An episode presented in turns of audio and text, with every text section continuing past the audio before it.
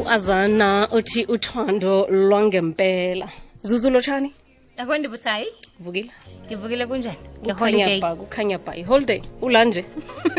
Ngibone ngawe. Allright ngithena ngithi ngivulele umrhatsho ngakuze ukukhuluma ngathi nami ngiyaya awa-ke siyathokoza ukufika ngoba vele udr ulinda wena nomlaleli bese ngimtshelile ku-two years siyathokoza. Singena ehlelweni lezempilo elivezwa nguphindile mahlangu olulethelwa yi-sabc radio education enriching minds enriching lives. Kanti-ke ihlelweli likunikela ithuba lokwazi ngempilo wakho okhona ukuzivikela emalolweni. Kanti-ke nakwenzeka bona vele sele ungenwe bulwelwe okhona ukubulawula nofana ukubulapha. Namhlanje sike isiyelelisa siyelelisa ngobulwelo be-tb njengoba nakuyiveke yokuyelelisa nge-tb sikhambisana nodr. Lindi wemvusi oyi-director ku-tb program emnyangweni wezepilo dr. Lindiwe siyakwamukela siyathokoza kuba nawe ehlelweni lezempilo ngiyabonga mama ngiyabingelela um kunina kubalaleli.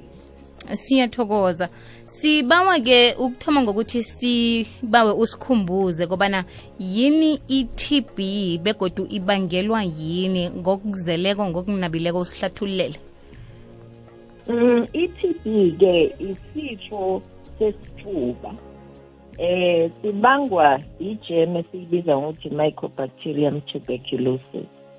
So le gem lena ithi mayingena lana emaphashini ibese ingena i- i- i- iyadamaja la kumaphaphu akho ibange ukugula lokhu kwe-TB uma ngabe ke sowunayo i-TB uyakwazi ke futhi ukuthi uyithelele abanye abantu ngoba lama germs as- uh, aphepetheka ngokuthi ukhwehlele and then ayaphuma ke agcwalela agcwale la emoyeni and abantu abanawe eduzane then bayakuhogela lama germs bese ke nabo ke baba nayo le infection ye-TB njengoba na ngelesithathu kulilanga lokuyelelisa ngayo i-tb dr. Lindiwe umnyango wezepilo ucale ini khulu njengento ecakathekileko ekufanele uyelelise ngayo umphakathi Um sizawugcizelela kakhulu ke ngale TB day. Ekutheni abantu bazi ngalesifo bazi futhi ukuthi usibona njani uzibona njani wena ukuthi uphethwe ngile sifo se-TB and then ke nokuthi mangabe ke u- uzizwa ukuthi ngathi nalesifo kufanele uye eclinic yakho ukuze uyotestwa ukuthi unaso na uzobe sowuqalwa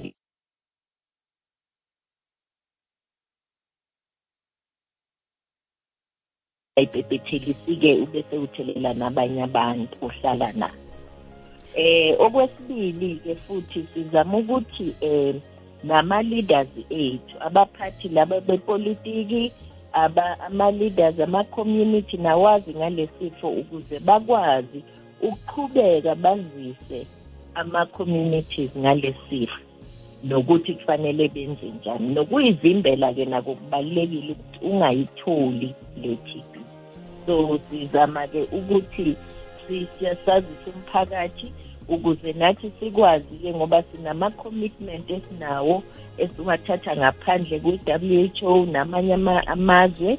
So-ke kufanele ukuthi sikwazi ukuthi siwagcine lawo ma-commitments nama-targets ethu. Uma ngonyaka lo dr. Lindiwe uthi the clock is ticking. Let's find a treat and end tb okutsho bona isikhathi siyakhamba sithole silwe besiqede i-tb.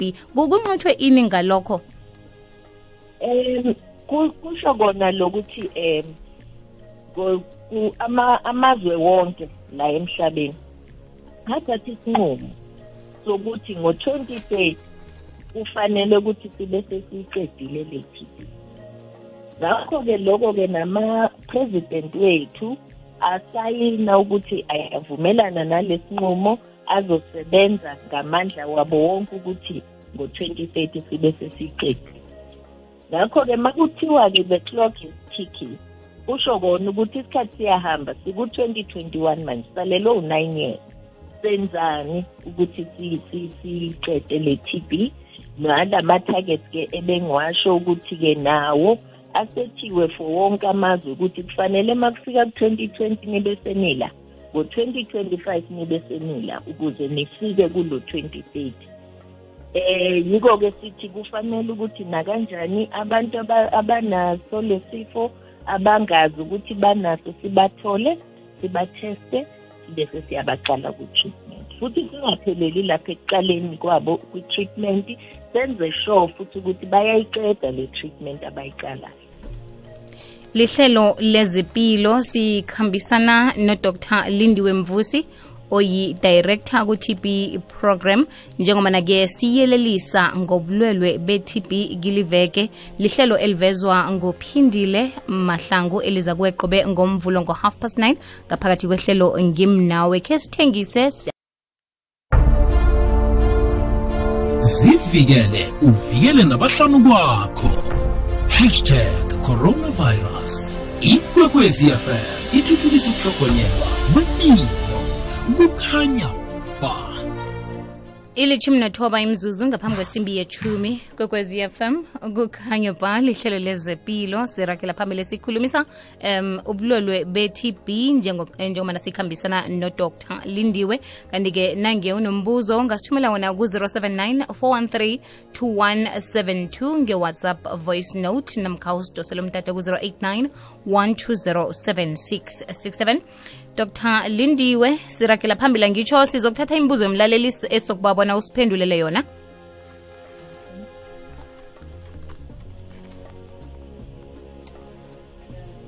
Hello busani njani? Mina ngiba ukubuza ukuthi umuntu ukhibe ukuthi ukhohlela i-awara loke akhohlela and then so ngapha ubhema nesniff and then imphethe i-tb leyo.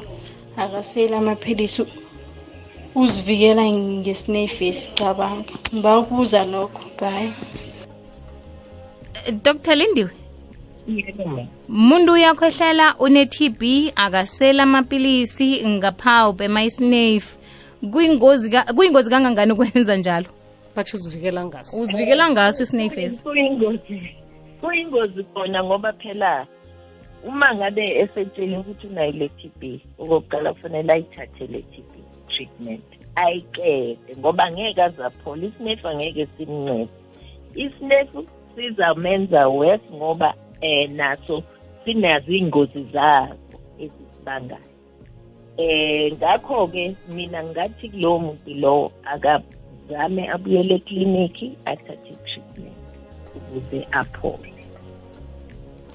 Eh, dr Isinefu angeke Mm. simsize. Alright kuyezwakala isifun um namkha isiyingi sehlanzeni sikhethwe kobana sibambe ilanga lokuyelelisa ngobulwelwe be-tb um unyaka ophelileko nalo. Kuba yini kukhethwe sona? Eh uma ukhumbula kahle kwakufanele ukuthi ibe ehlanzeni last year ngoMarch. Kwase kwenzeka ngoba ngithi ngemhla ka24 kuMarch. Kwase kwenzeka ukuthi sekuthiwa ke sizoba ku national lockdown u level 5 from umhla ka26. So kwathiwa ke hayi kungcono ukuthi singabe sisayenza le event ngoba sesinale nkinga ye COVID. Izosuke yandisa i-COVID.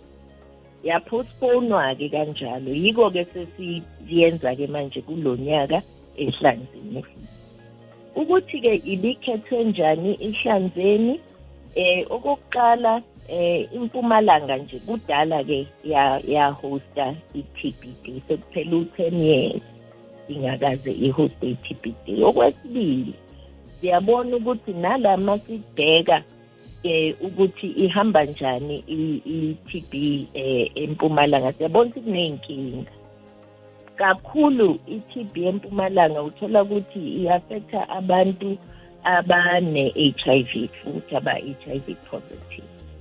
And then enye into ke na- nabantu abashonayo babulawa yiyona i-TB lena isibalo saba sehli yiko ke sithe hayi asike si- si- siye ehlanzeni sibone ukuthi singasiza njani ukuthi sazise umphakathi ngenkinga ebabhekile nokuthi ke yini okufanele yenziwe ukuyehlisa le nkinga le ye-TB futhi akupheli ke lapha enye inkinga enkulu ke ehlanzeni yile ye-drug resistant TB u-MDR nayo ke eh, iphezulu amanamba ukudlula ezinye iy'ndawo la e- e-South Africa.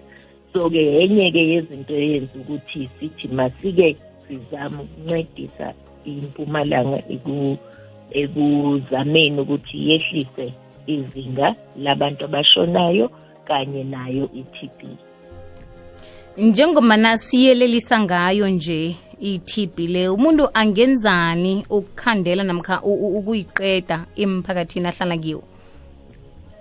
Um ukuyiqeda-ke kufanele okokuqala abantu bazi ukuthi uzibona njani une-TB so-ke yona uyibona ngokuthi ukhwehlele kakhulu.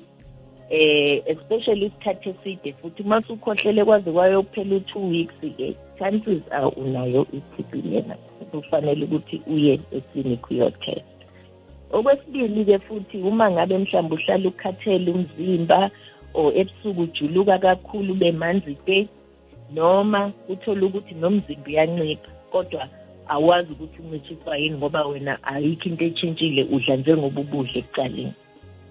Ma unazo-ke lezo mpawu fanele-ke nakhona uhambe uyocela i-test yayi-TB okwesibili-ke ukuyivimbela. Ukuyivimbela-ke kukaningi ngoba okokuqala nje yabona njengoba manje sekuthiwa sifake ama-mask ze-covid enye indlela yokuvimbela i-TB leyo ngoba phela ma ufake imask ukhwehlela awukwazi ukuthi u- u- u- ama-germs lawo e-TB aphumele ngaphandle ukuthi omunye umuntu angaba angaze ayithole and-ke okwesibili-ke ukugcina umzimba wakho amasotsha lawo omzimba akuvikelayo e-strong and ukwenza lokho ngokuthi udle kahle eh uzame nokuthi u- uhambahambe phela ukuvocoza umzimba lona ukuthi unga ube strong nawo uku-exercise and then ke wehlise ekuthatheni utshwala ngoba siyazi abantu abaphuza kakhulu abadli namasotsha bomzimba aba weak ma ngabe bethola i-TB bazogula no nogwayi-ke nawo. Nayo-ke ngoba-ke u- ulimaza amaphaphu ukwenze ukuthi uma ngabe uyithola u-infecteka ngayo i-TB i- ugule futhi. So-ke eh ngamafushane nje yizi izinto okufanele ukuthi sikwazi ukuzenza lezo. Bese kuthi uma ngabe eh ekhaya kunomuntu one-TB sizame ukuthi simsupporte phela ukuthi athathe i-treatment yakhe ayiqede kahle eh nokuthi futhi sizame ukuthi ezindlini emakhaya fanele sihlale sivulile amafastela sivule iminyango ukuthi uma ngabe kukhona umuntu okhwehlelayo angatheleli abanye abantu. Amathwayo la umuntu azibona ngawo bona une-TB ngendlela owabala ngayo dr. Lindiwe. Kufanele umuntu awabone woke namkha nakabone linye lawo uh, kufanele azibona une-TB. Nakhona-ke nangekukuthi uyasola bona ngiyo katango lokuthoma ekufanele alithathe ngiliphi. Uma ngabe nje enayinye yazo kufanele aye eklinikhi ayo- ayobika ukuthi nginale nkinga ngicela ukuthi ningitheste for i-TB noma yiyiphi iklinikhi eseduzane and then bazothatha isikhwehlela-ke eh uma ngabe mhlambe kunzima ukuthola isikhwehlela ikhona i-x-ray bazomenza ne-x-ray ukuthi babone ukuthi ngabe unayo yini i-TB bamhlole futhi ukuthi ngabe unayo na. If enayo-ke uzoqalwa-ke kahle i-treatment. Akwande zuzu nodokotera lapho ngiba ukubuza ukuthi umuntu lo kaphethwe i-TB ikuphi ukudla kufanele akudle? Ngiyathokoza. Dr lindiwe sibawa usiphendulele umlaleli? Okay um ekudleni-ke ukuthi nje udle kona lokudla okukhona okujwayele ekhaya kodwa uzame ukuthi kube khona nama-vegetables noma ngabe udla ipapa nenyama kodwa nama-veji abe khona lapho amafruthi nawo abe khona lapho ukuze ukwazi ukuthi um ubhalansise lokudla okudlayo ukuze umzimba uqine. Eh angeke ke ngisho ukuthi abantu kufanele badle ukudla okutheni ngoba eh kuya ngamandla akho ukuthi wena la ekhaya nidla ukudla okunjani. Kodwa mangabe ekhona amaveji ukhona namafruthi uright umthetho we-covid dr. Lindiwe uthi abantu ba, baqala ngani? Umuntu nakakhohlelako akhohlelele phezu kwethishu bese um ayilahle. Umuntu one-tb yena ngenzani ukuvikela abantu ahlala nabo? Ngoba vele yena-ke ukhohlela kanengi. Mm. Eh eh khona ke ekhwehleleni yiwo lama mask ukufaka imaski le uma ngabe ukhwehlela.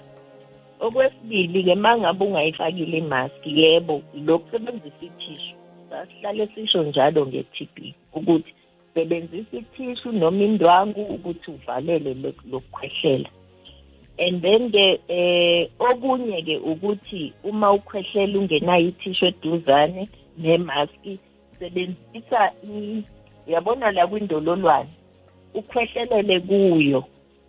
Ukuze amajem lawa angaspray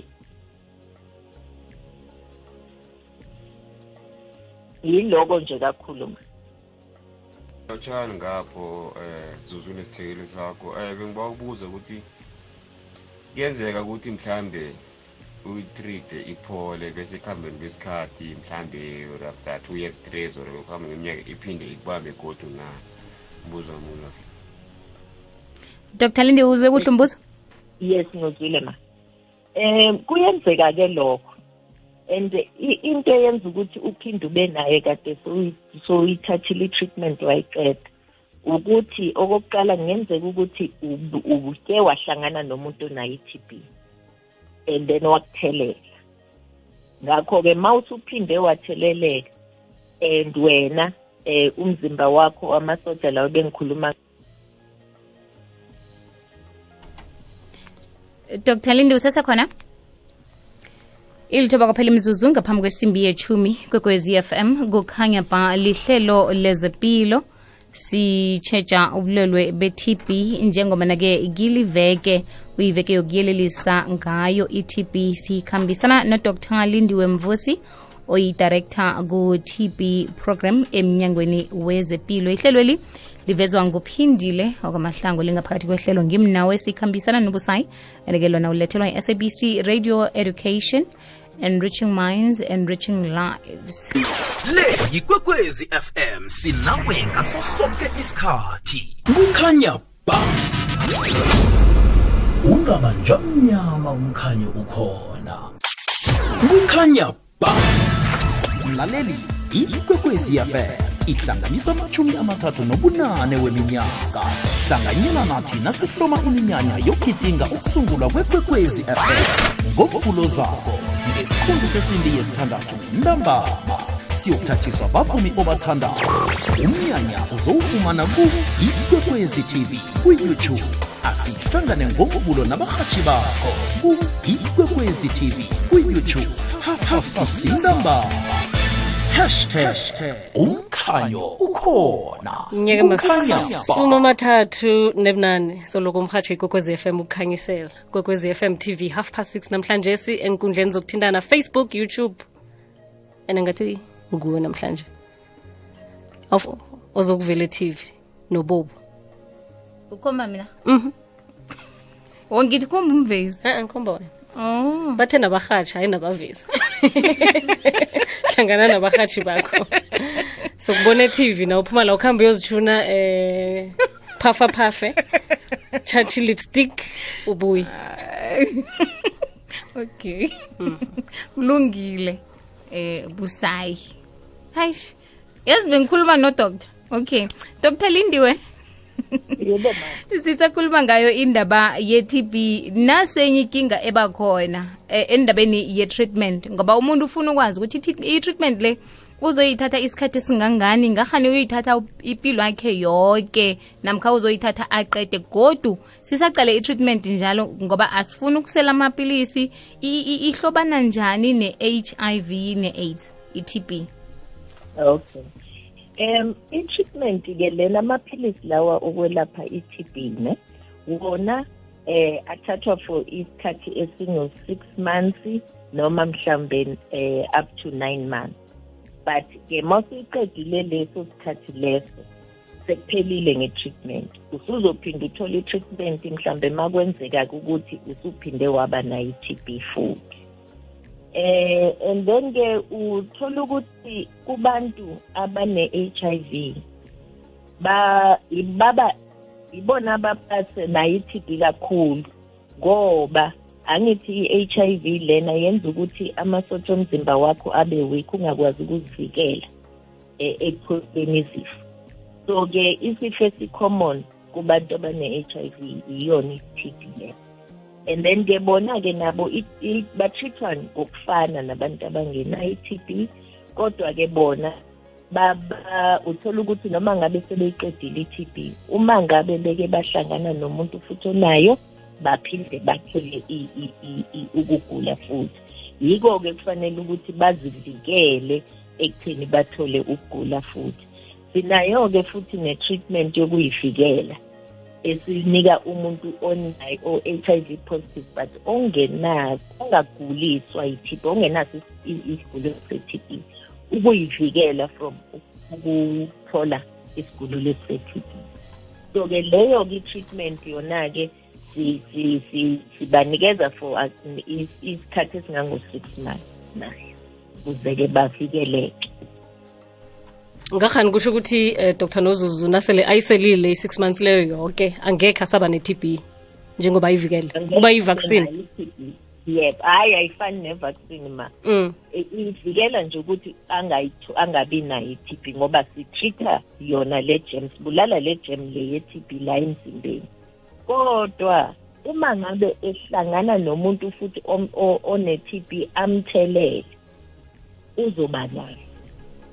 Ngoba-ke le bisemzimbeni sesiyithithile kodwa entsha ayivikelekile. Wokutsho ukuthi iyakhona ukubuya kaningi. Iyakhona ukubuya kaningi yebo. But at least ma ngabe usuyitholile wena kodwa ungakaguli siyakwazi ukuthi sikunikeze le treatment ezokwenza ukuthi ingakugulisi ngezwakala. Lihlelo lezepilo ngudr.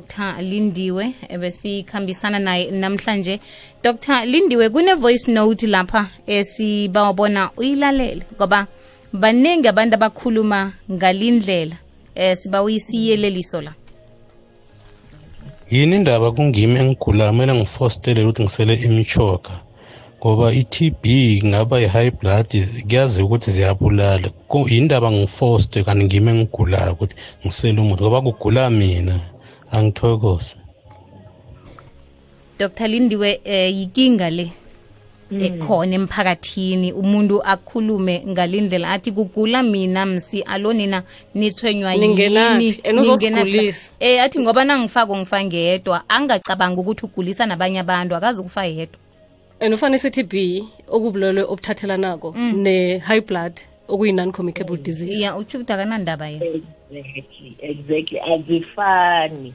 Labo high blood noshukela bazobulala wena wena kulungile-ke uma ufuna ukuyibulala ungafuni ukuphila. Kodwa i-TB uthelela nalabantu ohlala nabo othi uyabathanda.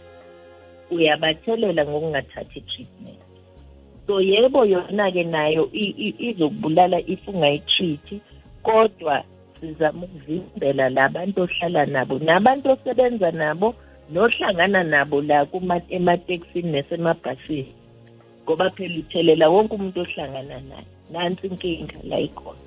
Yiko-ke nje siforce ukuthi umuntu onayo akazitreat-e ngoba sifuna ukuvimbela ukuthi ungatheleli laba abanye abantu okwesibili asifuni ukuthi ufe ubulawa isifo esilaphekayo ngombana umuntu unelungelo lokuphila. Yebo. Mm, woke umuntu unelungelo lokuphila. i-constitution yethu Mhm. kanti vane sithi sibulwa ngokuthi asinalwazi nandilwazi likhona amajima okuyelelisa ngobulwelwe obufana ne-TB bukhona kodwana kusaba nomuntu othi kuba yini kufanele ngikatelelwe.